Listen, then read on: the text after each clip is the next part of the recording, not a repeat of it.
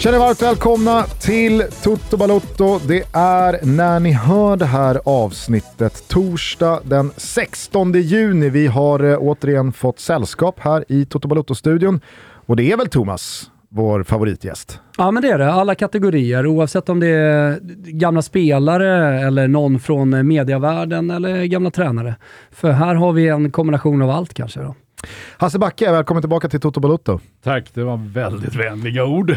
Hur är läget så här i eh, mitten av juni 2022 efter en lång säsong eh, längs vägarna upp i luften tillsammans med Lasse Granqvist när ni har punktmarkerat Champions League? Ja, men det har ju varit fantastiskt. Det är ju liksom uh, rättighet nummer ett hävdar jag. Det är ju Champions League och dessutom göra det på plats är ju oslagbart på vissa ja, men Det är någonting de annat arenorna. än att sitta i studion oj, och, och oj, oj. kommentera. Att verkligen vara där och, och liksom dels se matcherna från nära håll, men sen analysera dem på matchvissla och under matcherna. Absolut, du får en helt annan adrenal adrenalinkick. Va? Det är liksom att bara hymnen, Champions League-hymnen, den drar igång när de går in och eh, vi har ju varit där ganska tidigt och även sett ja, antalet supportrar, fans och så vidare. Och det är ju vissa arenor som sticker ut lite vad det gäller tryck och stämning och sådana här bitar. Men en jobbig men jäkligt privilegierad eh, resa har det ju varit med Granqvist. Det är några veckor sedan eh, Real Madrid lyfte bucklan mot skyn i Paris. Eh, men vad har du, vad har du burit med dig från säsongen som var? Vad har, vad har verkligen fastnat?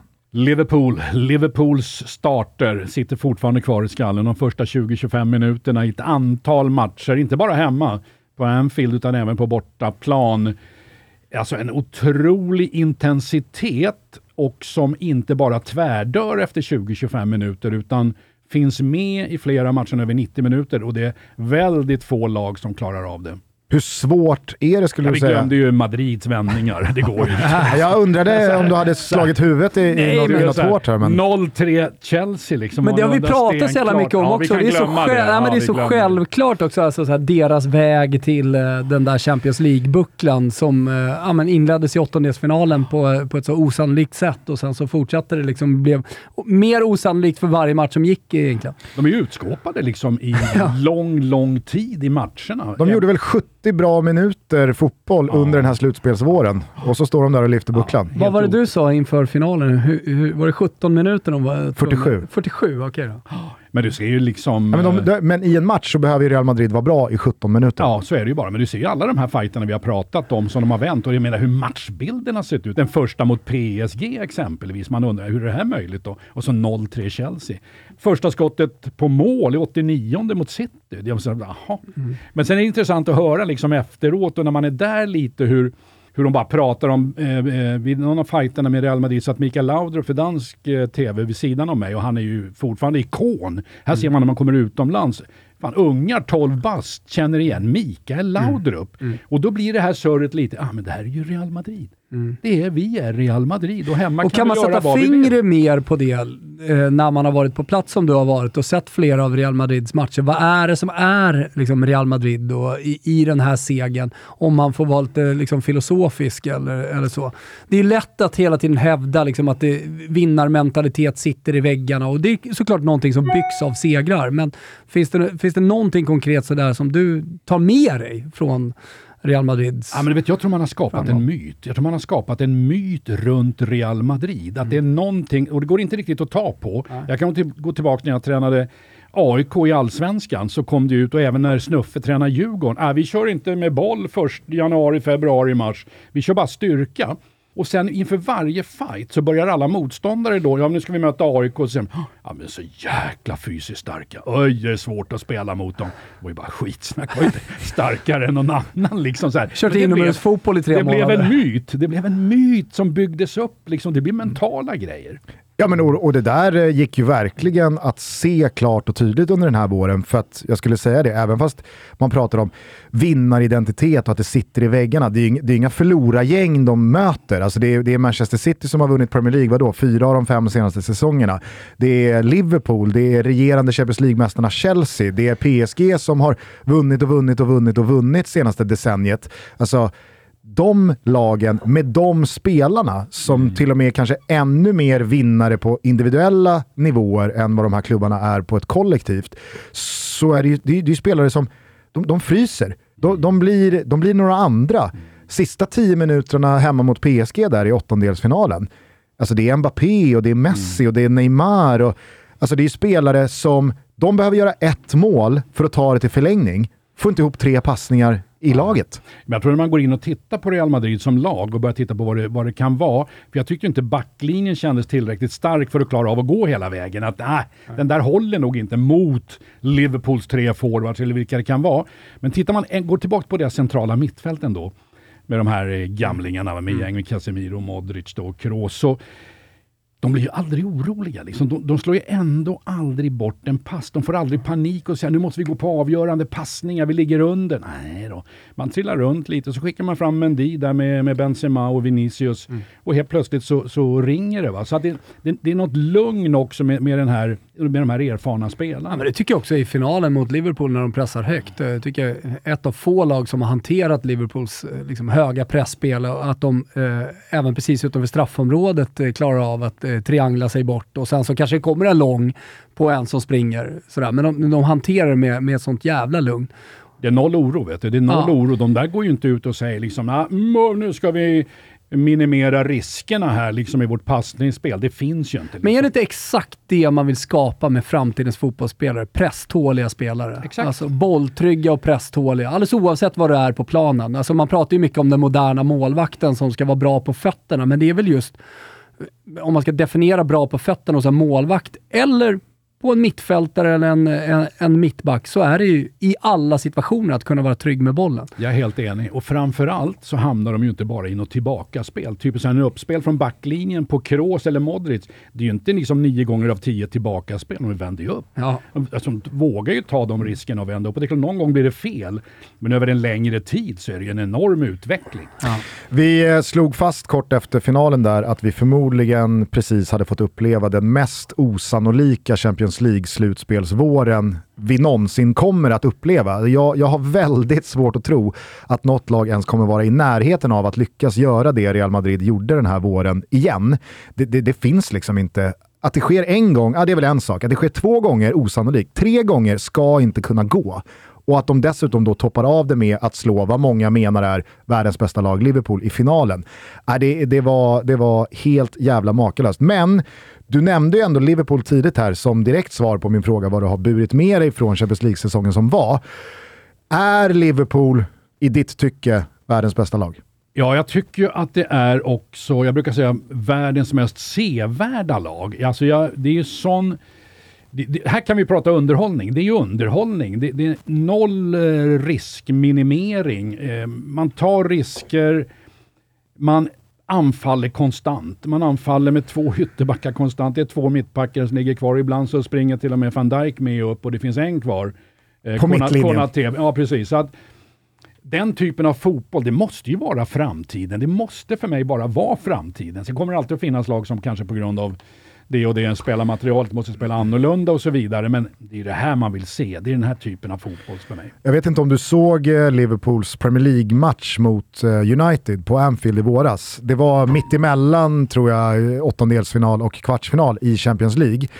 Men då spelar de ju ut United igen då, då, efter noter. De kom inte över halva plan och det hade kunnat stå 5-0, det står väl 2-0 i paus och de gör ett mål som är kanske säsongens absolut vackraste mål, tycker jag, i alla fall i Premier League.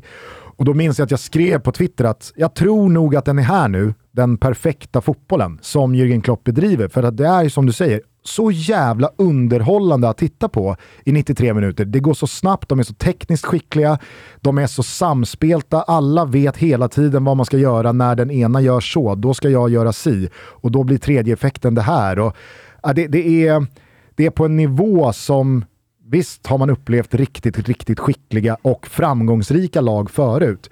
Men jag vet inte om jag har beskådat den här nivån av fotboll. Och då tänkte jag fråga dig med all din erfarenhet och efter alla dina år i fotbollsvärlden, hur du tänker kring hur svårt det är att spela sån här fotboll. För du säger att ja, men det här är nog framtidens fotboll. Mm. Men det känns samtidigt som en fotboll som är ganska svår att implementera på vilket lag som... Äh, nu vill vi spela som Jürgen Klopps Liverpool. Mm. Det känns oerhört svårt. Spelartyperna, jag tror det är jätteviktigt. Det är bara att titta vad han köper. Vad han köper för spelare. Snabbhet. Snabbhet och kan du oavsett vem du möter kan du vinna fotbollsmatcher med snabba spelare. Sen går det nog väldigt mycket... Är snabbheten den nya passningsskickligheten? Som var liksom grejen med tiki-taka och Pep Guardiola. Ja, så att vi, ja, nu ska vi hålla i bollen, kanske. det är grejen.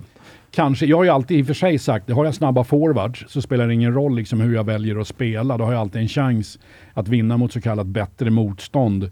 Eh, sen undrar jag, han är ju spelarnas man märker man ju Klopp. Det är ju, jag tror han har hittat balansen där liksom att gå och klappa om spelare på ryggen, ha ett bra surr med dem och jag tror han släpper dem ganska fritt liksom och få vara kreativa. Och du ser ju bara på Alexander Arnolds positioner i anfallsspelet på centralt fält. Hamnar han liksom att, ja, sök lediga ytor, det är fritt. Hitta lediga ytor i vårt anfallsspel. Mm. Så att, eh, ja men för mig är det den perfekta fotbollen. Jag kan gå tillbaka till mitten på 70-talet med Ajax när de liksom slog igenom. Det var ju så, upp, så vad hände här då? Det var ju bara positionsbyten, rotationer överallt. Man hajade ju ingenting. Va? De började med push-ups. Ingen hade ju sett en push-up någon gång. En backlinje bara löpte 40 meter Inte upp till mittlinjen. Fanns. Nej, precis. Boff sa det bara. Sen stod åtta motståndare offside. Liksom. Så här, det var ju väldigt revolutionerande. Men Liverpool, alltså det är garanti att se, att se Liverpool City är ju garanti på sevärd match, underhållande match. Det är ju det. Mm. Garanti. Ja. Varför jag frågade var för att vi, vi ska börja närma oss eh, sammanfattningen här av det Nations League-spel som eh, nyligen avslutats och Sveriges då fyra insatser. De första i det nya spelsystemet 4-3-3 som kanske inte riktigt eh, påminde så mycket om eh, Jürgen Klopps Liverpool de här fyra matcherna, men som ändå har varit ett systemskifte som du givetvis har följt eh, mycket noggrant, misstänker jag. Ja, och borde egentligen följa ännu noggrannare. Jag tycker, ska man gräva lite, vilket man bör göra när man analyserar, så ska man nog se om de här matcherna kanske två, tre gånger för att sitta och punkta lite. Vad är det som behöver synkas? Vad är det som går snett och så vidare? Jag tror inledningsvis att det är helt rätt väg att spela med tre centrala mittfältare för att ta nästa steg. För att kunna ta nästa steg och vara lite proaktiva när vi möter bättre motstånd och kan säga upp, upp, upp, vi behöver inte lägga oss platt på rygg och bara spela någon ultra defensiv. Vi kanske ska vara med lite som danskarna resonerar att ja men var, varför kan inte vi styra matchen mot Spanien? Den, den, den, mentala tankesättet. Så tre centrala tror jag att man måste ha. Sen är det ju delar då, jag vet inte hur mycket jag ska surra och, och grotta i det, men du kan ju se liksom, det är inte helt synkat i försvarsspelet från första forward till ja, centralt fält, till, till backlinjen. Man kommer för sent upp i sitt försvarsspel. Det tar för lång tid och då pressar man en och en, en och en och då blir det problem. Så är det. Sen är jag lite sådär frågande ändå när det gäller anfallsuppbyggnaden. Jag hade gärna sett att man fick den mest kreativa spelaren i den defensiva positionen när man startar sin anfallsuppbyggnad. Jag tycker inte, jag tycker Kajusta har gjort det bra, men, och han kanske kommer att bli mer kreativ och så vidare, men att Hjalmar Ekdal, Kurtulus och Kajuste ska stå för anfallsuppbyggnaden? Nej, det tror inte jag på. Jag hade ju gärna sett en rotation där på det här tre centrala mittfältet. Ja, då får ni Kristoffer Olsson exempelvis i anfallsuppbyggnaden. Rör om lite då och få ner de mest kreativa spelarna. Annars blir det uppspel, tillbakaspel, uppspel, ut brett från Kajuste exempelvis. Så att det finns mycket att prata om, det tycker jag. Sakta i backarna, håll i hästarna, dra mig på en liten jävla kälke och kyss Karlsson. Hör upp för fan! Toto Balotto är nämligen sponsrade av dårarna på Weird, som inte bara håller på att revolutionera hela underklädesvärlden för alla som vill, utan dessutom gör det på ett jävligt innovativt, generöst och filterlöst sätt. Med koden TOTO30 får ni som lyssnar på det här 30% rabatt på allt ni klickar hem på weird.com. Och ni som undrar hur Weird stavar så är det alltså W-E-A-R-D, W-E-A-R D. Var noga med det, annars får ni upp något helt annat. Och det vill vi inte. För alla behöver underkläder, kalsonger, trosor, strumpor, linnen och så vidare. Tjejer som killar. Pittiluring som kissimurra va. Och med Weirds grejer så ger man båda kön, tassar och huden precis vad de vill ha. De vill ha bambu. Det är mjukt, det är luftigt, det är skönt mot kroppen och det är en grym Jävla kvalitet.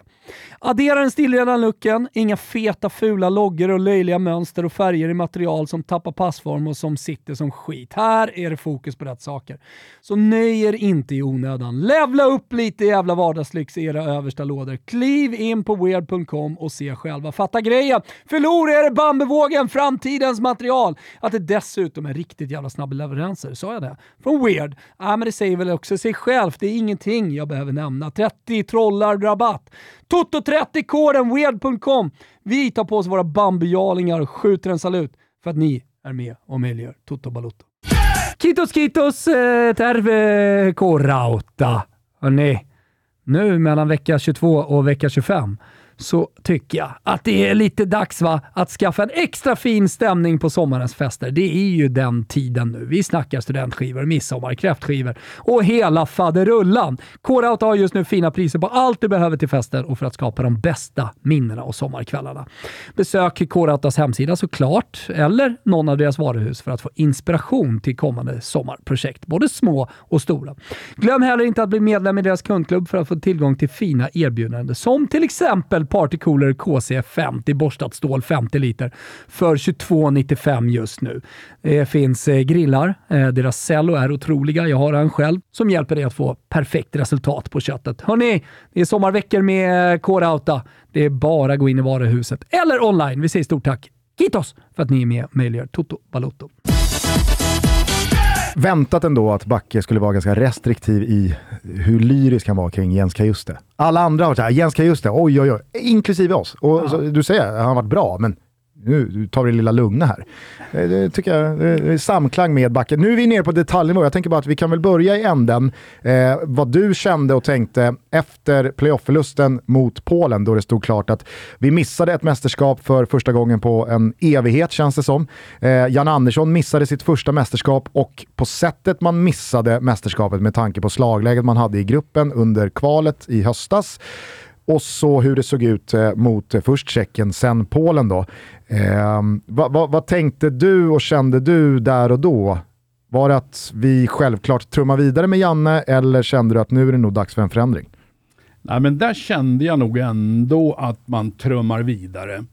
Jag menar, det har ändå varit eh, kvalificerat sig för mästerskap och jag tror det är lite orealistiskt att tro att vi ska kvalificera oss varenda mästerskap. Någon gång missar vi och som vi har gjort nu då. Sen gäller det att vi är tillbaka till 24 helt enkelt eh, till, till EM. Så att, ja, jag tycker inte man direkt skulle börja liksom kritisera och plocka bort den efter Polen-matchen. Nej, Sån är jag inte. Men eh, var du eh, på samma spår som väldigt många andra att det måste till en förändring i hur man spelar fotboll. Dels utifrån vilket spelarmaterial Sverige besitter, men kanske också som du är inne på att i dagens moderna fotboll så kommer du få betala ett ganska högt pris om du är undertaliga centralt på mittfältet och spelar med jo, två men Får jag bara där. addera en sak där? Eh, så de spelarna som eh, kommer, alltså de unga spelarna och för all del egentligen alla våra toppspelare som är ute i Europa eh, spelar ju inte 4-4-2, utan spelare är fostrade och kommer att vara fostrade med tre centrala mittfältare med, med största sannolikhet och spela så till vardags. Mm. Och sen tror jag, jag tror det är helt rätt ute i det. Jag tror också liksom att man nu inte ska bara binda fast sig vid ett 4-3-3. Utan jag tror ju ibland, beroende på vilka vi spelare vi har på det centrala mittfältet, du kan svänga lite på den här triangeln på fältet och spela med två.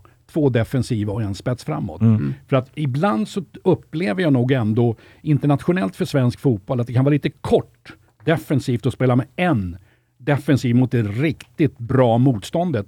Och då måste man ju vara så flexibel så att man, man svänger lite på den här. Sen har du Forsberg spetsen framåt. Mm. Så att man, bara man inte säger oh, nu är det 4-3-3, utan man måste titta lite på vad vi möter. Vilka är tillgängliga för oss på det centrala Men där kan man justera då på, eh, på eh, vilka egenskaper spelaren har, så att man, man kan byta ut en kanske lite mer kreativ spelare mot en mer defensivt stark spelare i vissa matcher som ändå måste vara bra fotbollsspelare. Ja. Jag, vet, jag gör ju sådär, eh, vad ska vi kalla det, så ruskigt anti mot, mot när man pratar balans och man pratar om att vi måste ha en, en väldigt fysiskt stark spelare i den här positionen.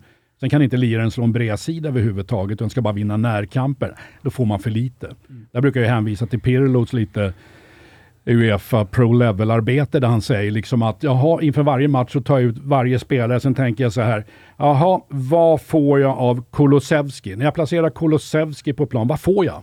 Ja, jag får en hel del in mot en mot en situationer, jag får genombrottskraft, eh, jag får bra avslut. Ja, det är ganska många parametrar, det är bra. Mot att jag sätter ut någon annan kanske svensk defensivt fysisk spelare, är bara för närkampsspel. Det, för mig, nej, det räcker inte. Det, det, räcker inte. Man måste kunna bidra med betydligt mer även i, i passningsspel, offensiv. Och det, jag tycker det är intressant när man sätter ut spelare. Vad får jag på, mm. av respektive spelare? På tal om Pirlo bara så noterade jag... Jag såg Turkiet ja, Han har tagit över Fatih Ka Fatih Karagümrük. Ja, jag tror vi nämnde det för en vecka sedan i Tot. Ja. Varför hamnade där? Tidigare. Han måste få bättre. Pengar. Oväntat, eh, en oväntad ny adress. Ja, det var Som uppdrag två Men man, tänker ju liksom att eh, de här ex-spelarna har hur mycket pengar som helst, men eh, när de turkiska nettodegen kommer, då är det ändå intressant. Men bara eh, för att återgå då, till initiala frågan. om, du, om du tänker tillbaka två och en halv månad i tiden, kände du att äh, men det är läge för oss att hänga med och således då lämna 4-4-2 för att det är lite daterat? Eller var det snarare så att du tyckte att anpassa vårt sätt att spela mer utifrån spelartyperna vi har. Att få spelarna på rätt plats, sina bästa positioner. Ja. Att få Forsberg centralt, även om han har vandrat in hela tiden ja. och hamnat centralt. Så 4-4-2 så... behöver nödvändigtvis inte vara ett daterat spelsystem? Nej, nej, oh nej, absolut inte. Du ser ju liksom, jag, tycker, jag håller med de som säger liksom att ja, det, det är försvarssiffrorna vi pratar om när vi pratar 4-4-2. Ja. Men tittar vi på de offensiva anfallsuppbyggnaden så är det nästan som det gamla brasilianska 4-2-2-2 mm. egentligen med tanke på hur spelarna yttermittfältare tar sig in i plan. Och det var väl Janne inne på här efter eh, andra matchen mot eh, Norge, den senaste, att försvarsmässigt så är det inte sådär jättemycket som har hänt, även fast det har sett väldigt eh, mycket mer ihåligt ut. Det kan ju såklart ha att göra med både spelarruljansen, eh, orutin och en del eh, skador på, på vissa spelare. Men det ville han ju i alla fall mena på att det är snarare offensivt som de stora justeringarna har skett och där vi då strävar efter att få ut det allra mesta av eh, våra spelare än att vi har ändrat sådär jättemycket defensivt. Men... Ja, principen är de samma. Ja. Det är de i, i det defensiva. Det är i och för sig att man startar försvarsspelet med en forward och det är det som blir lite annorlunda. Lyckas inte forwarden styra mittbacken åt ett håll och förbjuda vändningar, då blir det lite problem. En sidledspass mellan mittbackarna ställer ju då lite funderingar på, ja, är det vår ytterforward som ska gå upp och pressa mittbacken? Är det en av våra centrala fältare som ska göra? Och där märkte vi även mot Norge, där var man för sent ute. Mm. Man, man reagerar måste för veta, sent. Ja, exakt. Eh, liksom man måste chansa lite som mittfältare när man ska gå upp på en mittback. Man måste liksom läsa, oj, den där passningen kommer snart. Då har du tjuvstartat så du är i full fart när du väl är framme vid mittbacken. Mm. Nu låter man passningen slås och sen reagerar man upp. Och det går för långsamt. Man vill ju ha duellen rätt in i bröstet. Absolut, absolut. Utöver en, en sån här detalj, om vi bara ska ta på oss en, en lite mer utbildande hatt här när vi har dig i studion som är en väldigt duktig instruktör och eh, analytiker. Om du bara för majoriteten av våra lyssnare som kanske inte riktigt vet vad de stora skillnaderna är på 4-4-2 och 4-3-3. Det landslag som Janne har bedrivit här ett par år kontra det landslag du har sett fyra landskamper av här nu senaste två veckorna. Vad är de stora skillnaderna i vad man vill göra och försöker göra och vad som faktiskt syns? och märks. 4-3-3, när man väljer att spela det, det innebär att man hamnar i fler en mot en situationer. Jag hävdar ju att det är utvecklande. Ju mer en mot en situationer man kan få, desto mer utvecklande. Och det, där pratar vi offensiven en hel del. Tittar vi på defensiven så blir det ju då med tre centrala mittfältare så, så blir det ju en fundering här nu. Ska vi gå hem och spela med fem på mittfältet? Ska vi ta hem Quaison, Kulusevski eller ska vi låta dem ligga där uppe med Isak även fast det bara är två mittbackar hos motståndaren? Ja, jag gillar ju det. Det beror på kanske lite vad man möter. Men det som kan inträffa då med tre centrala mittfältare, det är typ att när Kajuste droppar ner lite för djupt så tvingar han automatiskt Karlström och Forsberg in smalt. Och då tappar du liksom all bredd i defensiven, i överflyttningar och hinna ut. Och då tvingar du ju hem Kolosevski och Quaison här.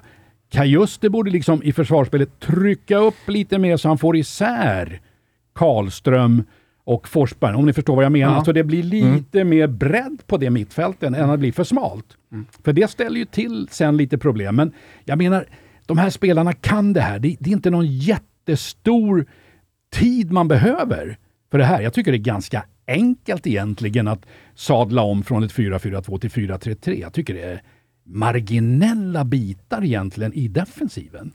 Man kunde ju höra Fredrik Ljungberg, Lasse Lagerbäck men inte minst då Martin Åslund i samband med eh, den andra Norge-matchen prata om att det defensivt såg väldigt ihåligt ut, att man jobbade väldigt mycket en och en och att man inte satt ihop lagdelsmässigt utan det var väldigt lätt för Norge att med både en och två passningar penetrera och slå ut två lagdelar.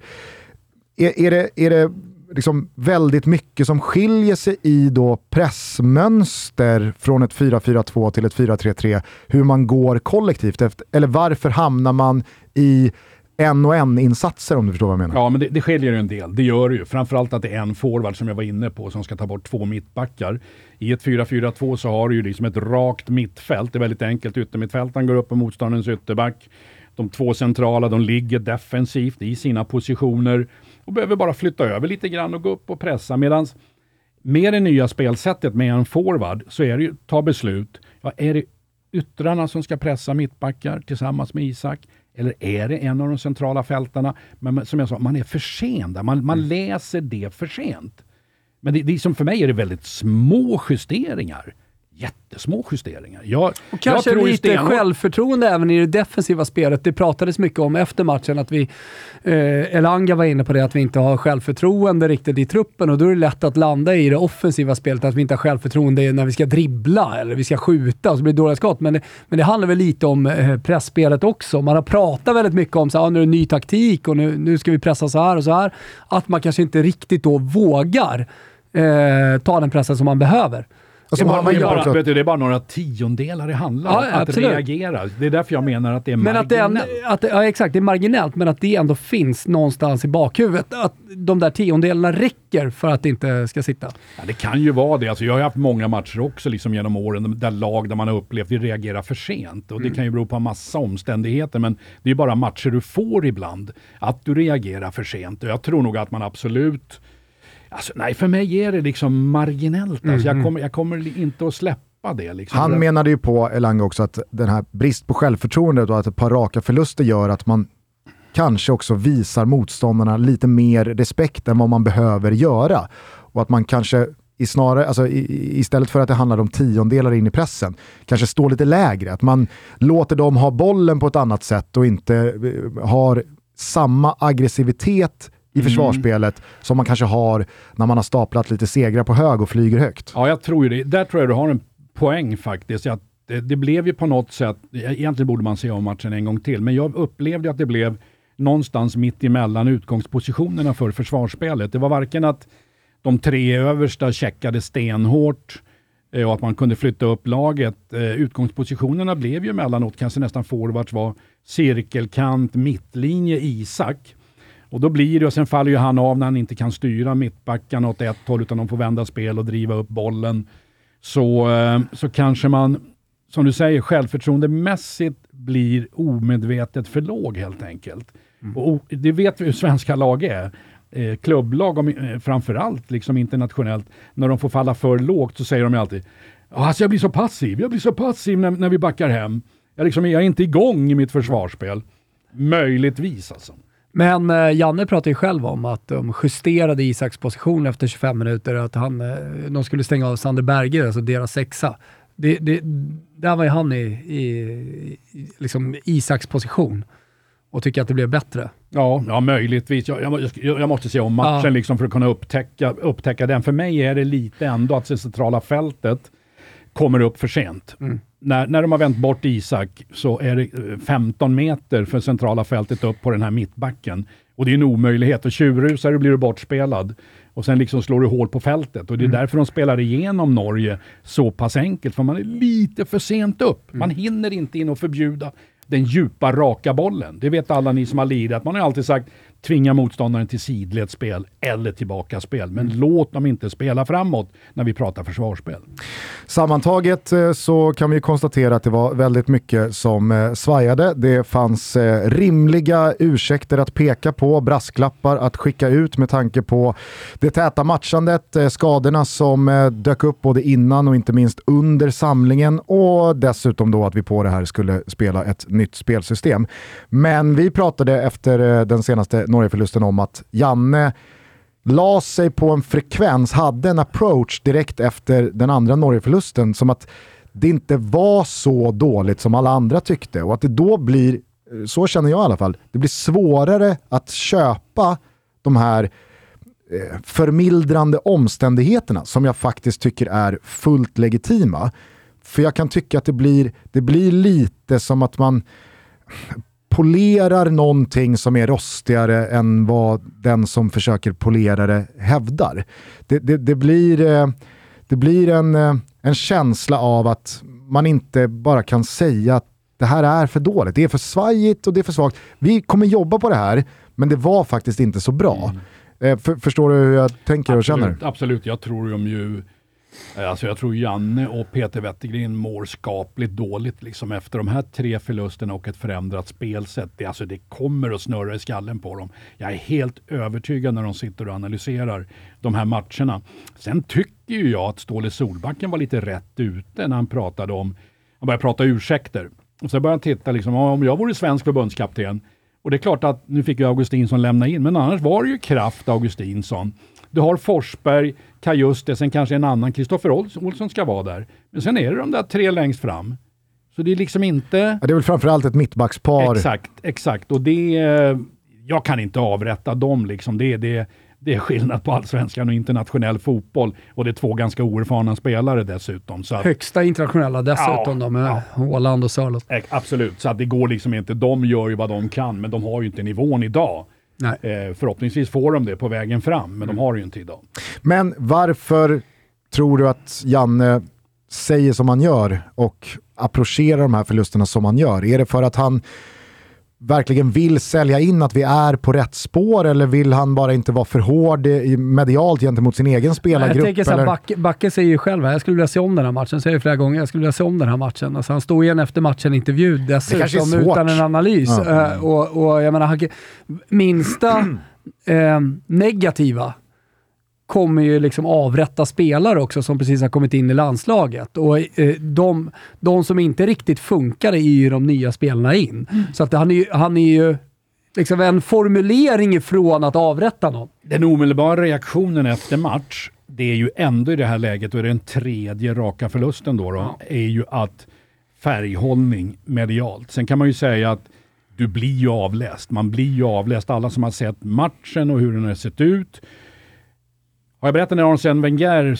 sa till mig 1990 när han tränade Monaco. Eh, jag fick käka en middag med, jag var på besök i Monaco och tittade på träningar. Och så när vi var ute och käkade så sa han så ja du har torskat 2-0. Och du, eh, det är 40 sekunder efter matchen så har du 10 mikrofoner rakt upp i käften och fyra kameror. Hur agerar du? Oh, inte en aning, sa jag. Nej, men det handlar ju om, för dig som tränare, det handlar om ditt kroppsspråk, ditt ansiktsuttryck, det kommer att avgöra hur din spelartrupp mår. Exakt. Det är, liksom, mm. det, det, det, är det viktiga. Sen har inte han lyckats uppfylla det i, i slutet heller. Då. Men jag tror det ligger väldigt mycket i det. När du kommer dit som chef, du ställs inför media och du har förlorat tre raka. Hur agerar du? Mm. Ja, du kan ju inte se mer död än levande ut. Det är, liksom, det är ju svar på allt. Det smittar. Det smittar rakt av. Så att då blir det att man ändå försöker lyfta. Sen kan vi alla diskutera liksom, Ja, men herre Jesus, det här var ju inte speciellt bra. Alltså. Nej, för det blev ju också i, i, i, söndags då när han säger att ja, men det studsar emot oss på ett konstigt sätt. Så, så känner jag att jag, så, så här, det blir lite förnekande. Ja, kan du, för det är ju så här, nej, men vi tror stenhårt på det här spelsättet. Ja. Vi, vi, vi, vill spela med tre centrala mittfältare, det finns mycket att justera. Mm. Det är inga speciellt bra insatser vi gör idag, men bla bla bla. Vi får se. September, september, november blir mer intressant mm. och, och börja analysera det här spelsättet. För hade, hade liksom första serven varit, det här var för dåligt. Det här, eh, det här var inte tillräckligt bra. Men vi ska tänka på det här och vi ska tänka på det här och man måste komma ihåg det här och mm. det här.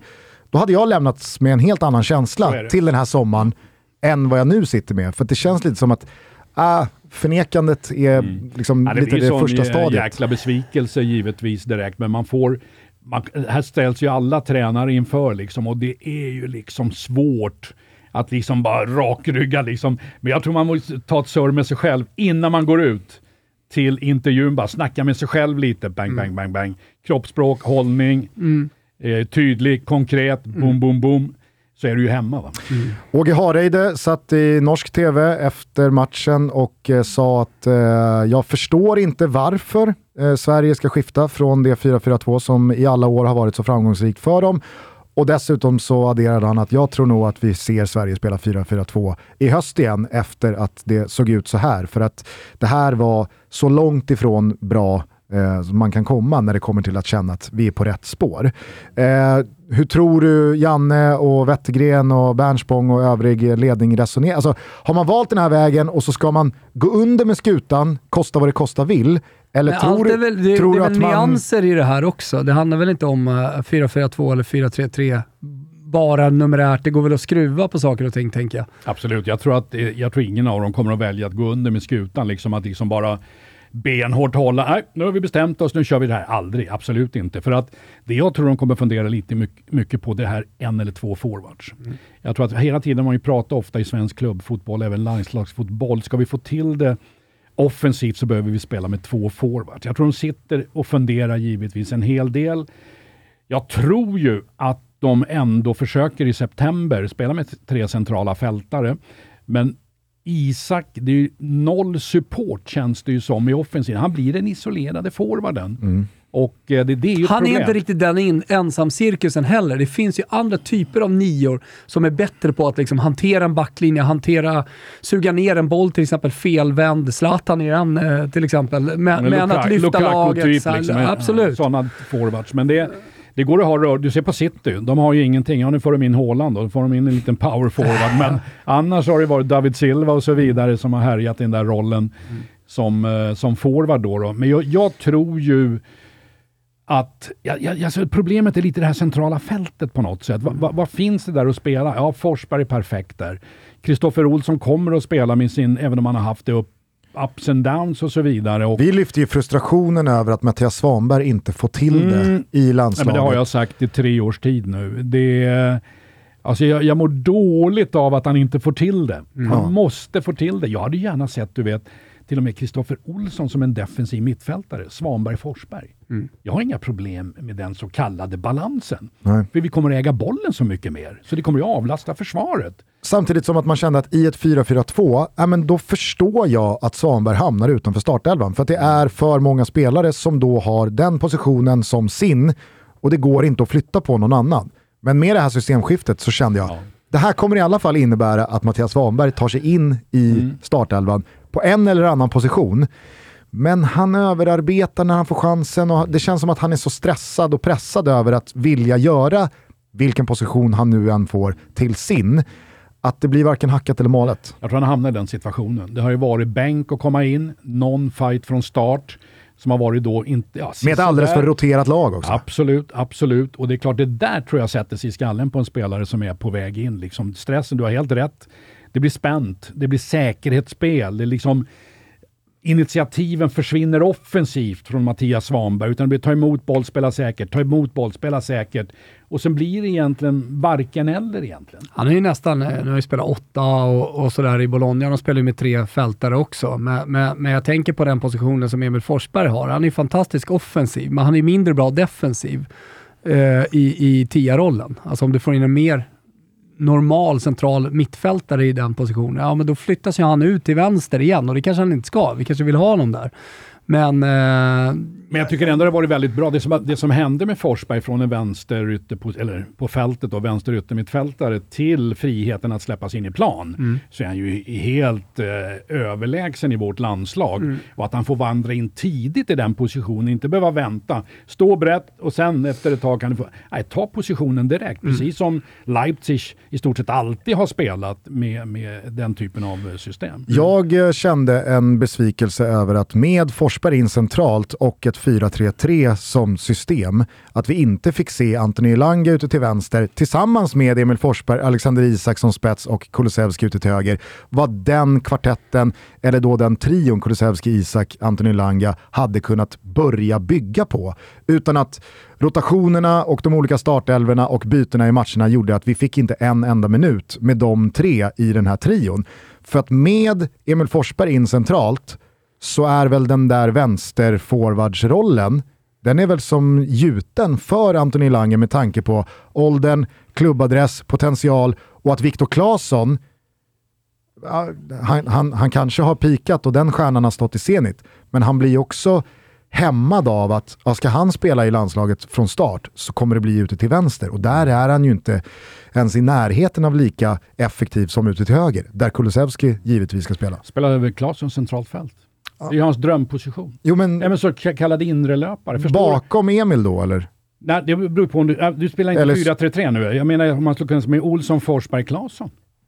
Jag menar du får, alltså för, titta på det fältet. Jag vet att du inte vill prata om den där balansen, men där börjar till och med jag känna att är inte, är inte det lite för... Har vi inte alltid pratat om Claesson som bäst, eh, vårt bästa eh, defensiva alternativ ute till höger förut när... Eh, Men du vet, det här är hans drömposition. Det är det han pratar jämt om. Min favoritposition är centralt fält. Mm. Du får en djupledslöpare, kortlinje, kortlinje i 90 minuter. vet du vad jag gör Du får ett- Jag lyssnar på backen. Du får ett, ett tekniskt geni i Forsberg. Du får Kristoffer Olsson i en anfallsuppbyggnad. Det är Liksom kanske Kristoffer. Olsson som eh, får flytta på sig då. För att han har ju haft ett ganska Istället jobbigt för år. då? Istället för eh, Viktor Claesson då. För jag tror ju att eh, Albin kör vidare Ja. och kör inte Albin vidare så är jag helt övertygad om att Jens Kajuste har gjort den positionen Mm. till sin här nu. Ja, det kan vara så.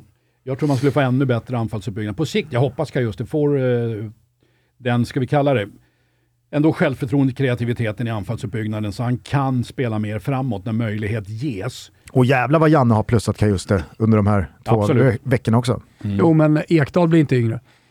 Nej, men jag skulle, det för mig skulle det vara ett drömfält. Alltså Claesson höger, alltså på fältet, Olsson och så Forsberg. Jag förstår vilken kreativitet. Men tillbaks då till eh, frågan angående Anthony Langa. Tycker du att det är en eh, spelare som är klippt och skuren för vänsterforwardspositionen redan nu? På sikt. Jag tycker inte det är självklart nu. Jag hade ju lite funderingar med United i Champions League. Så var ju min känsla, nej, det här är lite för stora uppgifter för Elanga. Det är lite för tidigt, de här Champions League-fighterna. Medan Rangnick valde ju att mata honom hela tiden. Men när jag var ute och såg matcherna så kände jag ju att ah, det här är nog lite för stort fortfarande än att vara, att vara startspelare i Champions League. Sen talangen, absolut obestridlig eh, med den snabbheten och genombrottskraften så är han ju, det är bara en tidsfråga innan han är startspelare på typ ett vänsteryttermittfält. Ja, för det blev ju, jag håller med dig, det blev ju ett par mål för Elanga som snarare färgade flera veckor, två månaders perioder som succéartade. När det kanske faktiskt, om vi ska vara ärliga, var mer ett par mål och ett par halvsvajiga insatser än en konsekvent topprestation över men tid. Det, det har ju varit så, man har ju tittat ju på målen. Och jag, men jag, så jag upprepar mig igen, jag vet när jag satt med Lasse och jag sa det att nej, jag tycker inte Elanga ska starta i United. Jag tycker det här är för stort för honom. Han är inte klar för Champions League-fighterna. Och eh, rätt eller fel, men det, alltså, som jag sa, på sikt självklart en kanontyp att ha med i ett landslag, men även för United. Men vi får se nu med Ten Hag om Elanga kommer att vara startspelare. Jag sätter frågetecken. Ja. Ja, han var jävligt eh, peppad på eh, Nederländernas ankomst eh, själv i matchen. Efter, Jo, men såklart. Han, eller i han har utvecklat spelare som man inte har tänkt eh, ska vara Champions League semifinalspelare. Eh, och eh, har gjort eh, ja, men, fantastiska framsteg individuellt med spelare. Eh, Ten Hag. Absolut, men sen är det, jag tror att Elanga ska ju vara ett stort tack skyldig Rangnick som, som verkligen malt in honom kontinuerligt. Liksom. Vi pratar ändå Premier League alltså. Och Champions League. Och Champions League. Toto Balotto är som ni vet sponsrade av Circle K. Fina, viktiga, oumbärliga Circle K. Tidigare har vi slagit fast smidigheten och genialiteten med deras app Circle K Easy Fuel. Ladda ner den om ni inte har gjort den. Men då kanske några av er, eller många av er, undrat men alla vi med elbilar då? Vad ska vi göra? Äh men lugn i stormen. Sitt ner i båten, chilla lite va. Tror ni inte att Circle K har tänkt på er också? Klart de har. Ni ska ladda ner appen Circle K Charge. Där registrerar man ett konto och så kan man sen på ett oerhört enkelt och smidigt sätt se dels var närmsta laddplats finns, om den är ledig och sen när man är klar har betalningen skett helt digitalt. Circle K vill med alla till buds stående medel göra livet enklare för dig med elbil och Circle K Charge-appen är naturligtvis ett steg i det ledet. Och till alla er som går i tankar att skaffa en elbil eller kanske byta planhalva och gå över till elbil så finns det elbilar att hyra hos Circle K för att kunna testa på livet med elbil uppleva hur smooth det är. Så ladda ner appen Circle K Charge och känn hur Circle K optimerar och kalibrerar livet för oss bilister. Vi säger stort tack till eh, Circle K för att ni är med och möjliggör Toto Balotto. Finns det några andra spelare under den här Nations League-samlingen och de här fyra landskamperna som du tycker har visat någonting som tar dem hela vägen in i eh, en, en, en startelva eller i alla fall som en konstant byggsten i det som ja, fortsätter då putsas på efter sommaren? Ja, det kan ju vara Kajuste, även om jag sätter frågetecken, eh, som jag inledde med. Jag tycker nog på något sätt att han i vissa lägen blir lite avslöjad i, i gårdagsmatchen mot, uh, mot Norge. Men det jag, jag kan köpa defensiven, men jag, jag, är mer inne på liksom hur ser anfallsuppbyggnaden ut. Mm. Blir det uppspel tillbakaspel? Blir det uppspel ut i sidled? Blir det ett säkerhetsspel? Men han är ju så pass färsk, så jag förstår ju att han väljer att spela så. Med Kristoffer Olsson där, då får du ett helt, helt andra liksom avgörande passningar, diagonalpassningar från och sätter yttrarna i spel på ett helt annat sätt. Men eh, jag måste ändå säga liksom att jag böjer mig ändå att han har gjort det bra, Kajuste. Det, det tycker jag, det går inte att komma ifrån. Eh, Gabriel Gudmundsson har ju på ett år gått från en spelare som ingen egentligen eh, hade koll på eftersom han lämnade Halmstad tidigt eh, för en ganska så anonym tillvaro i Kroningen. Landade i ligamästarna från Frankrike, Lille, Champions League-spel och så nu in i landslaget. Är det en spelare som är, är redo att konkurrera med Ludvig Augustinsson på riktigt eller är det en vänsterback som kanske faktiskt har både Martin Olsson och eventuellt Pierre Bengtsson även framför sig i tågordningen. Han kan vara alternativt vänsterytter också. Det är oerhört lik sin far. Ni kommer inte ihåg hans far, va? men de är ju kopior. Eh, men jag, jag gillar ju den spelartypen, Gudmundsson, det måste jag ju säga. Och eh, jag tror ju ändå, alltså rent spontant, även om alla, alla gnäller på honom efter gårdagsmatchen, vilket inte jag gör, så eh, jag ska ringa Ståle faktiskt. Jag ska ringa Ståle och fråga. En del är ju ute och säger att Ja, det där läste Ståle av. Nu ska han pumpa Sörlott mot Gudmundsson. Ja, tjena säger jag. Men jag, ska, jag vet ju inte. Men han har ju sin största spelare där ute, huvudspelare, bättre mm. än Håland till och med. Mm. Det är klart han väljer långt mot Sörlott. Det, det hade han gjort även mot Augustinsson. Mm. Det är jag ju helt övertygad om. Jag ska ringa honom för att få klart besked om det var någon taktisk Vad tror han säger? Ja, det är klart. Tjena Hasse! Vadå taktiskt? Jag har aldrig sysslat med taktiskt. Alltså, jag, köpte hem, jag köpte hem honom från Wimbledon till Ålborg, Ståle. Han fick vinna ett mästerskap för första gången i sitt liv. Det är bäst han svarar. det är bäst han svarar då alltså. Men jag tror, på Gudmundsson så tror jag absolut, jag gillar spelartypen. Eh, tekniskt bra, eh, bra vänsterfot, bra fysik. Eh, verkar ha bra löpkapacitet, genombrottskraft. Eh, jag gillar typen. Jag tror ju att han eh, är, eh, ja, han är i andra valet fortfarande efter Augustinsson, men han, han, jag tror han är den som kommer med. Mm. En av våra absolut stoltaste traditioner inom svensk fotboll, inte minst då svensk landslagsfotboll, är ju den uppsjö av högklassiga mittbackar som alltid har funnits att eh, välja bland. Det här går ju tillbaka långt i historien, men jag tror att för, för min generation så började det med VM 94-landslaget och Patrik Andersson, Jocke Björklund gick vidare till eh, både Johan Mjällby, Olof Mellberg och det går ju att nämna hur många som helst. Teddy Lukic glömmer man ofta bort. Jo, men det tycker jag ändå är rimligt att man gör. Ja, jag vill eh, bara nämna hans namn. Ja. Men eh, det, det, det, var, det var ju en tid där det, där det kändes som att vi har riktigt, riktigt bra mittbackar som inte ens är nära landslaget för att det finns fyra, fem, sex, sju stycken som är bättre. Idag så är ju situationen någon helt annan och med tanke då på att eh, Victor Nilsson Lindelöf gick skadad den här samlingen så blev det ju tydligt för alla som eh, ännu inte fattat eh, hur stor den här mittbackskrisen är, hur illa det egentligen är ställt. Hur, hur, ser du på dels den aktuella situationen och vad Janne ska pussla ihop för mittbackspar här nu efter sommaren?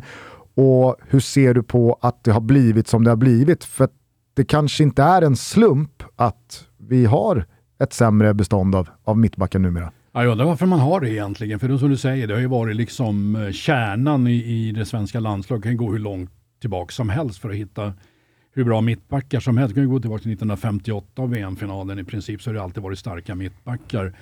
Eh, Ja, det är ju Lindelöf och Filip Helander som känns bara sådär jättegjutna nu rakt av. Och du märker när Janne även ringer Pontus Jansson och eh, funderar på om man inte ska omvärdera sitt beslut. Eh, och sen eh, vad som nu finns bakom, alltså det är ju, det är klart det är ett problem. De är inte där ännu de som nu, som Ekdal och Kurtulus som spelade Men för ett senast. år sedan så hade vi eh, Vigge Danielsson, eh, vi Mm. hade Pontus Jansson, eh, eh, då var ju Helander var väl någon slags fjärde, Ja. femte val eh, och nu är liksom bara Vigge kvar av de spelarna. Ja, och som, som det ser ut och vad man spelar så är det ju eh, Lindelöf och Helander som kommer om de är friska. Sen kommer det ju att vara, vid en skada där, så kommer det ju bli en nivåskillnad alltså på, eh, på kvalitet på mittbacksidan. Och det är ju, som du säger, för första gången på jag vet inte hur länge. Det har alltid funnits fyra, fyra kvalificerade mittbackar.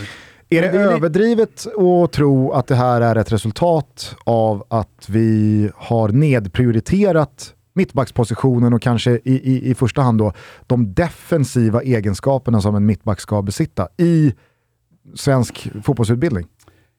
Kanske, men jag undrar om det verkligen skulle ha slagit igenom så pass snabbt när man pratar om vilka mittbackstyper man vill ha i typ de allsvenska lagen. Det är klart alla pratar mycket om Kanske har man missat lite, ja, jag vet inte defensivt, att det är det viktiga att en mittback ska kunna försvara, punkt slut.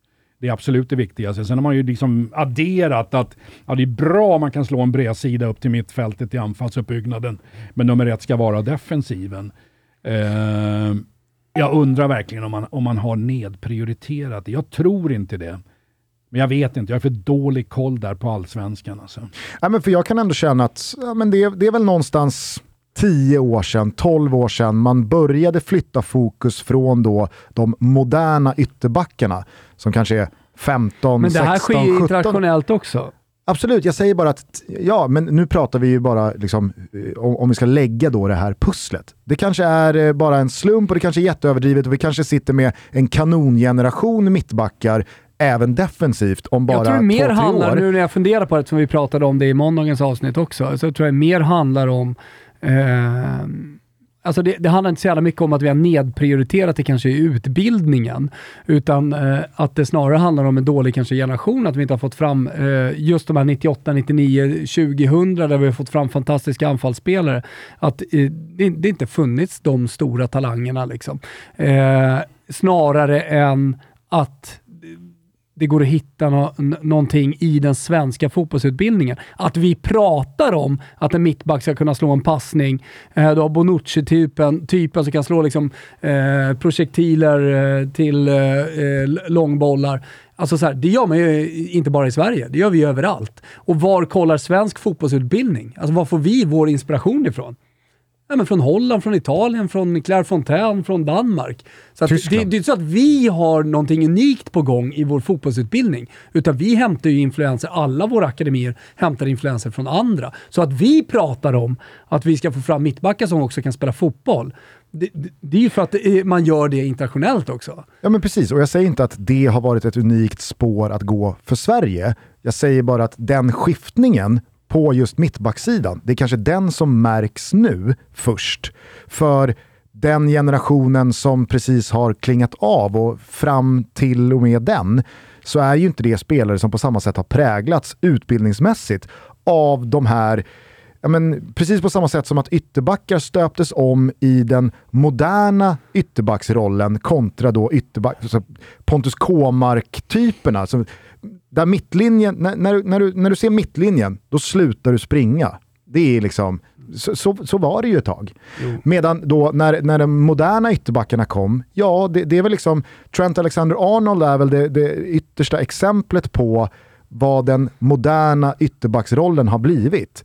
Det är ju knappt en försvarsspelare. Nej. Medan Skulle då, du göra procentuellt så är det 70 off, 30 def ungefär på honom. ja. Men Och jag, de, jag vill tro att det är en generationsfråga. Ja. Jag kan ha fel, men eh, jag är lite inne på det som du nämnde. Jag, jag, jag tror det kan vara en generationsfråga. alltså. ja, nej, för jag, jag, jag, jag tänker att mittbacksrollen, och i synnerhet då med den här stolta traditionen i Sverige, så har vi ju alltid premierat mittbackar för de defensiva egenskaperna. Vi ska ha två mittbackar i en fyrbackslinje, starka på huvudet, det, det räcker med att en är ganska kvickfotad. Den andra kan vara liksom mer eh, statisk, men där är det en duellspelare av yttersta eh, världsklass. Och sen så behöver inte det vara så jävla mycket speluppbyggnad och någon passningsfot där. Det kan andra klara av. Ge bollen till någon mittfältare eller någon ytterback eller vad det nu är. Men de senaste 10, 12, 15 åren så har man ju mer premierat just de här egenskaperna och mer gått åt det hållet. Om, och det är väl kanske det vi ser här nu. Om, jag menar bara så här, om du jämför eh, fotbollsländer i, i uh, ungefär samma storlek som Sverige och sen så uh, tappar du då uh, din lagkapten och givna mittbacksgeneral i Vigge. Eh, du tappar Ponne eh, som kanske har den bästa säsongen av alla våra mittbackar. Eh, vilka tappar du? Tappar Helander. Danielsson slutar som precis har varit där. Alltså det är ganska många spelare som, som inte är tillgängliga, som var tillgängliga för ett år sedan. Visst blir vi synade på vår spetsbredd så att säga. V vad finns bakom dem? Och då får vi plocka in från allsvenskan. De är inte vana att möta Manchester City-spelare. Absolut, men hur ser det ut då i Danmark, i Norge, i andra fotbollsländer, i Schweiz och så vidare? Så här, var spelar deras mittback nummer 10 någonstans? För det är väl där vi är nere med Kurtulus, eller? Ja, och att de dessutom ska spela ihop med åttan och nian. Eh, sjuan och åttan. Eh, det, det, det, är helt orealistiskt liksom att kunna kräva någonting där när vi pratar internationell fotboll med, med de två mittbackarna. Det går inte att ha de kraven. Då är vi liksom helt snett ute. Men om jag. du kollar på då uh, Hjalmar Ekdal, ja han är ju fostrad då i BP och uh, med BP's sätt att se på det. Uh, ett lag, 98 som åkte Europa runt och vann över Juventus och PSG och allt vad det var. En fantastisk liksom, årgång. Jag vet inte, hur, hur är han skolad? Hur han skolade pojk. I pojk ska du bara skola presståliga, härliga, bra spelare alldeles oavsett vad det är för position. Sen från nu kanske ska du ju bygga liksom en, då en mittback eller vad det är. Jag vet inte hur den utbildningen går ut, men det känns som en gissningslek ja. också lite grann. Men det är helt klart att resonemanget har ju varit ett antal år vad det gäller hur mittbacken ska se ut, hur vi vill att mittbacken ska se ut, även när vi pratar Sverige. Jag vill ju se van kan jag hålla med. Ja, precis. Jag kan ju hålla med om där att jag tror man, man pratar inte på samma sätt om, om fysiken och om defensiven som prioritet, utan det har ju blivit, vi måste ändå skola om dem så de kan delta i, i ett anfallsspel. Men mm. att det är en add-on lite grann på en mittback.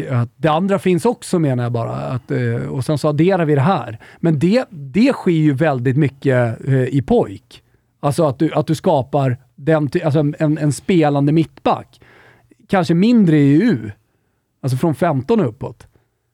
Så de, de, de, den utbildningen börjar ju tidigt. Mm. Mm. Samtidigt som man kanske inte heller, för att liksom komma tillbaka till det du, du pratade om eh, tidigt i avsnittet här, att snabbheten är kanske den viktigaste egenskapen i dagens moderna fotboll för att kunna spela ett högt försvarsspel med en intensiv press och då kunna stå högt och vara trygg i att ja, men vi har en bakyta här på 45 meter som vi kan skydda för att vi har så pass snabba mittbackar ändå.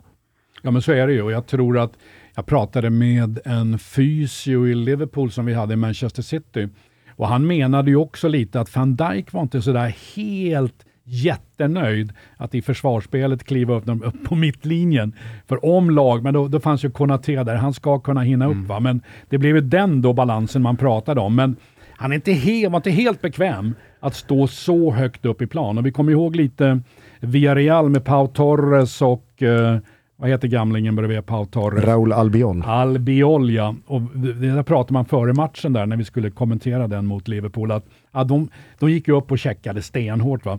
Men jag vet inte vem det var vi sa det med någon journalist där som sa att ah, den här backlinjen kliver upp högt, de kommer bli mördade. Liksom för Albiol och Torres, det är inte det snabbaste.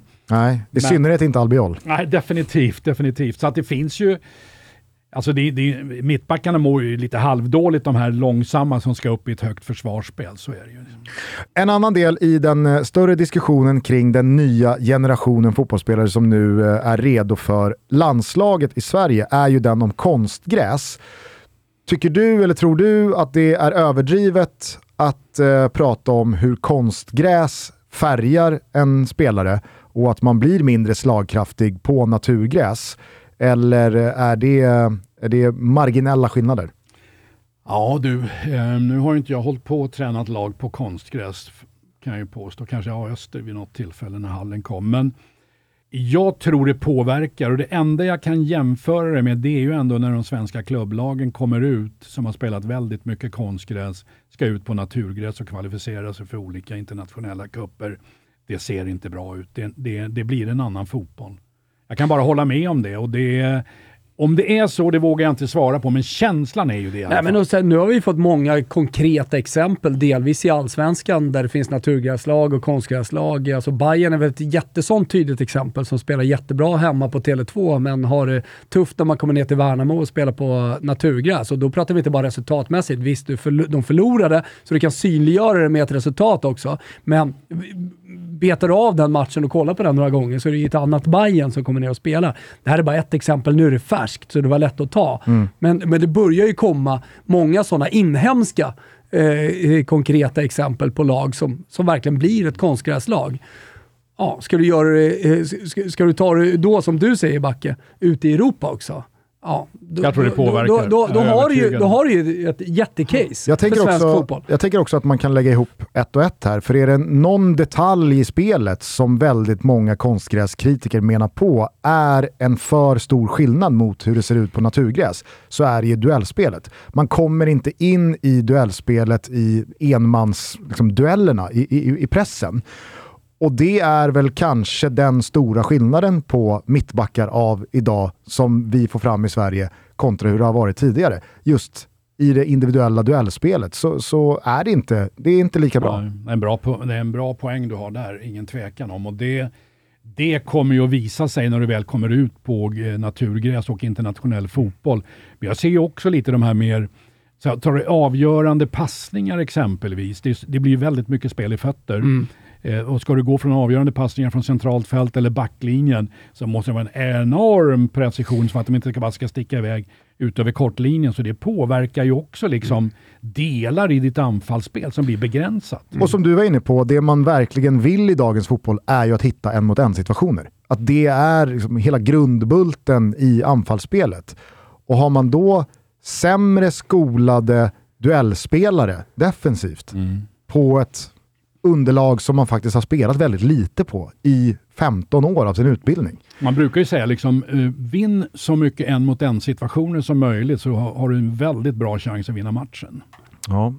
Eh, men eh, om, om, om vi då ska liksom börja närma oss någon konklusion, hur orolig är du för det här landslagets absoluta närtid? Eh, vi hade Lasse Lagerbäck här i, i, i studion förra veckan och han menade ju på att jag tror inte vi ska underskatta vad det kommer göra för våra EM-chanser här nu om vi bränner Nations League. Och det har vi ju gjort nu, för nu kan vi inte längre vinna gruppen. Vi kommer nog eh, inte bli sidade i EM-kvalet som lottas i oktober. Och skulle det vara så att vi bränner i eh, kvalet, ja då finns inte längre chansen till playoff genom då köksvägen eh, som är Nations League-spelet.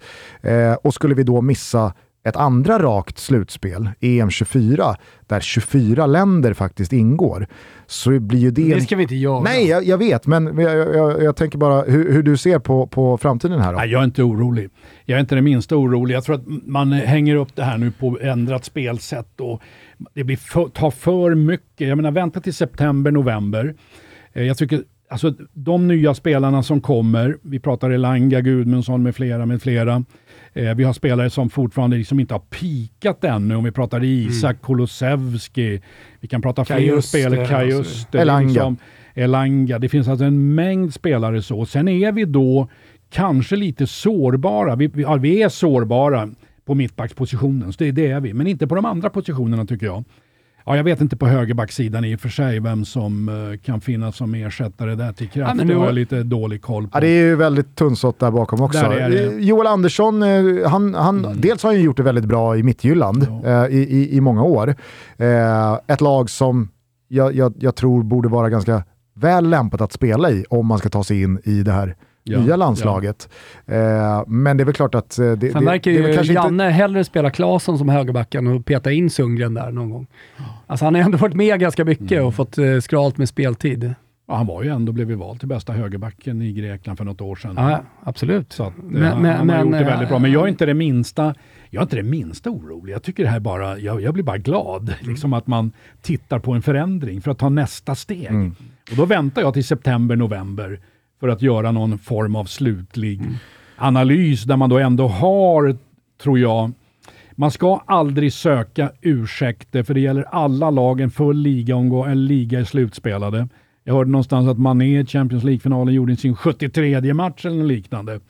Och det är ju våldsamma siffror, men och det ska vi inte, inga ursäkter, absolut inte. Nej, jag väntar till september, november. Jag tycker det är helt rätt att titta på en förändring och spela framförallt med tre centrala mittfältare. Det är små justeringar, det är marginella justeringar för att det ska sitta både offensivt och defensivt. Och det sa ju vi i samband med Lagerbäck-avsnittet också, att jag köper hans argument om att man ska prioritera resultat och att man inte ska underskatta vad Nations League-framgångar kan innebära för de inom citationstecken riktiga resultaten som ska krävas. Men ska man någon gång förändra spelsystemet så är det ju nu man ska göra det. Det är fyra Nations League-matcher i juni, det är två Nations League-matcher i september, det är två träningslandskamper i oktober innan det då är ett knappt halvår till dess att EM-kvalet drar igång. Vad fan, det kanske inte har sett perfekt ut, långt därifrån, absolut. Och jag har också lite ont i magen och har fler frågetecken på näthinnan än utropstecken. Men jag är fortfarande lika bergfast övertygad om att det är nu vi ska ha, liksom, Ja, ja. genomföra den här förändringen. Det är, inget, det är inte till EM-kvalet. Nej, lugn och fin säger jag bara. Liksom det, utan träningslandskamper så är det Nations League. Du måste våga testa i Nations League. Och, och klart, du kanske åker ur A-gruppen, du åker ur B-gruppen då, men vad, när ska du annars testa? Du måste våga göra det. Du måste se framåt och titta på hur ska det se ut 24, 26, 28 och allt vad det kan vara. Så att jag menar, eh, jag tycker det är helt rätt. Och det enda som jag säger som jag oroar mig, det är lite mittbacksidan. Det, det, är det, det är det enda. Men helvete vad vi kommer spela ut Lettland och Litauen och Färöarna i C-divisionen när det sen är dags. Hoppas det. Ja, den är lite lurig där med Slovenien ändå Ja. lite nu, men eh, Ja. nej, det kommer att grejas. Eh, är det någonting mer du vill eh, bolla med Backe här gällande landslaget som bedrivit fotboll här i två veckor? Nej, jag, alltså jag tycker att vi efter måndagens avsnitt och dagens avsnitt eh, tror jag att det, det är läge för våra lyssnares skull att stänga surret kring eh, de här fyra matcherna vi har spelat i Nations League. Upphottningen av eh, januariturnén som precis har gått av stapeln med lite större insatser såklart och, och det är inte bra att ha tre poäng efter fyra matcher, men jag tror att det är dags att gå vidare. Alltså det, det är mycket att se fram emot. Det är en tidig säsong i år med Premier League och de stora ligorna som börjar i augusti redan. Och vi har ju ett eh, mästerskap som eh, rullar hos er på Simor också i hela juli, där vi faktiskt har chansen att gå hela vägen. Och eh, se, alltså, om vi pratar om så här roligt och, och se utveckling och vad, vad är det som sker med mittbackar och så vidare. Alltså är det någonstans det sker utveckling så är det på damsidan. Herregud, de har ju aldrig fått utbildning. Har du varit duktig damspelare har du fått spela med något bredd pojklag som har varit duktig, kanske gått upp tre, fyra år liksom, för att du har varit talangfull. Idag börjar det faktiskt komma upp akademier. I Europa jag, finns det jag akademier. utbildar damtränarna nu. Ja, du gör det? Ja, ja, ja. Vad säger du till dem Jag, har en, nej, jag utbildar ju nu åt Uefa, eh, Tysklands assisterande förbundskapten med det svenskklingande namnet Britta Karlsson, men hon Mhm. är tysk alltså.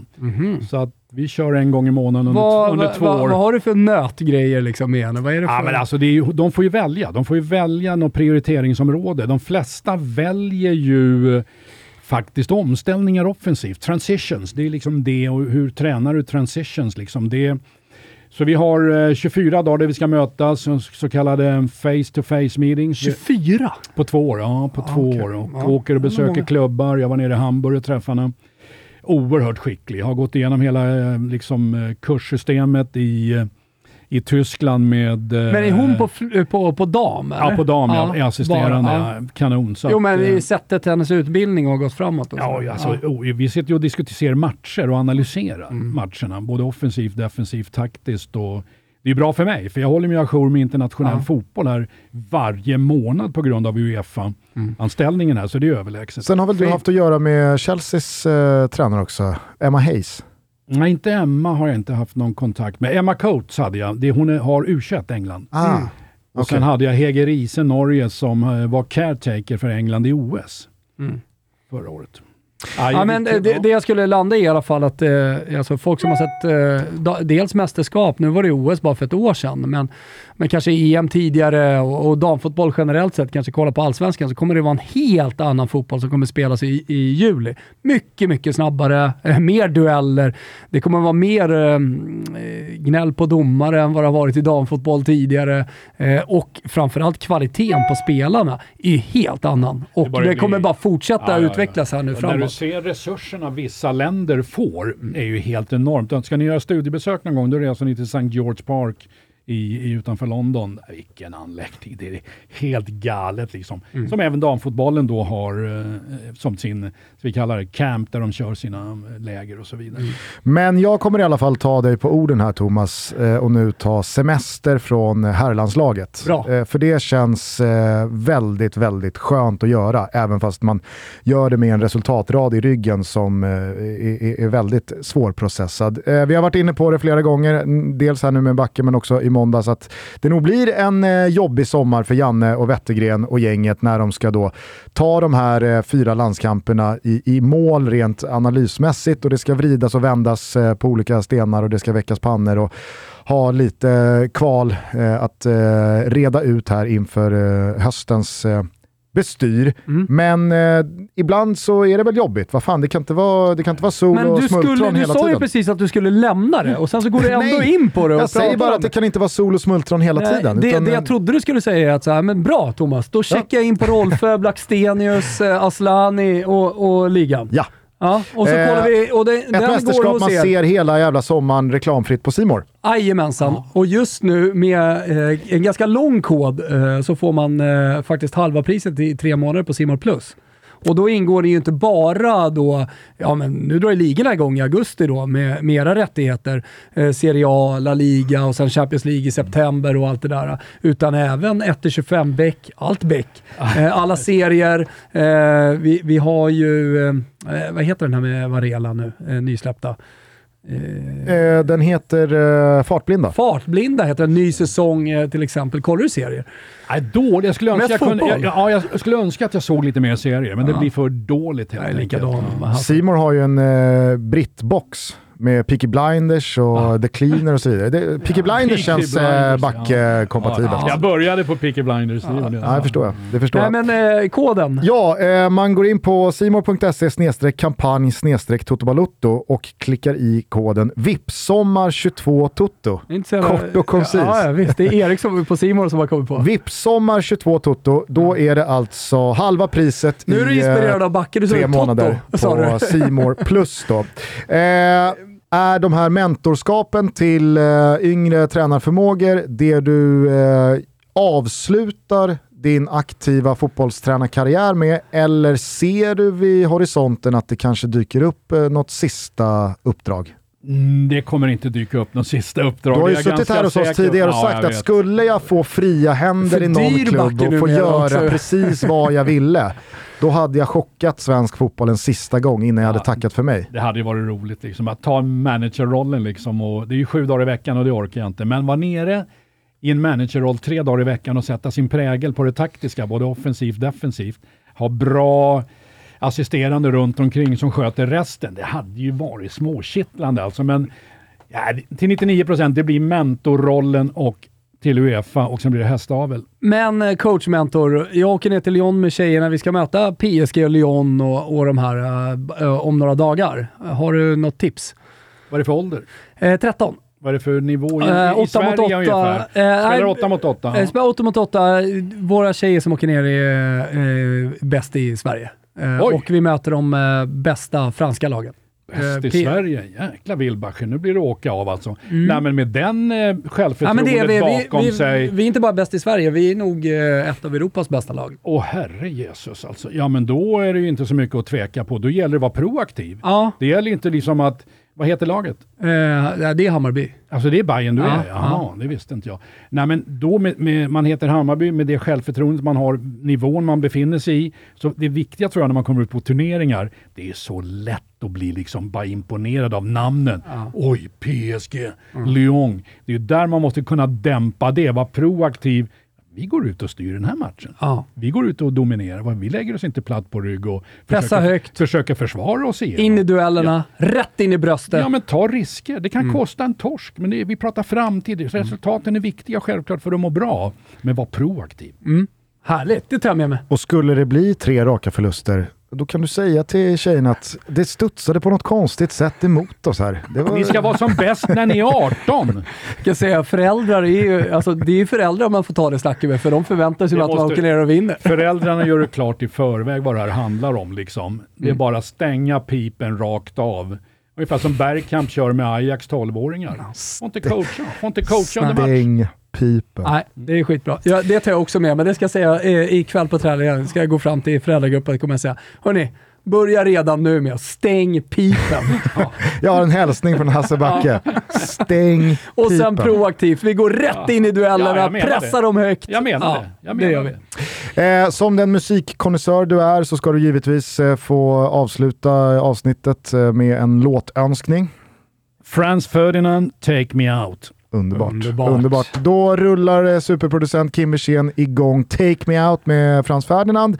Vi lyfter på hatten och tackar Hasse Backe för att han än en gång gästade Toto Balotto. Så önskar vi dig och din familj en riktigt jävla trevlig sommar. Tack detsamma, det var ju alltid kul att vara här. Bra! Ciao Tutti! So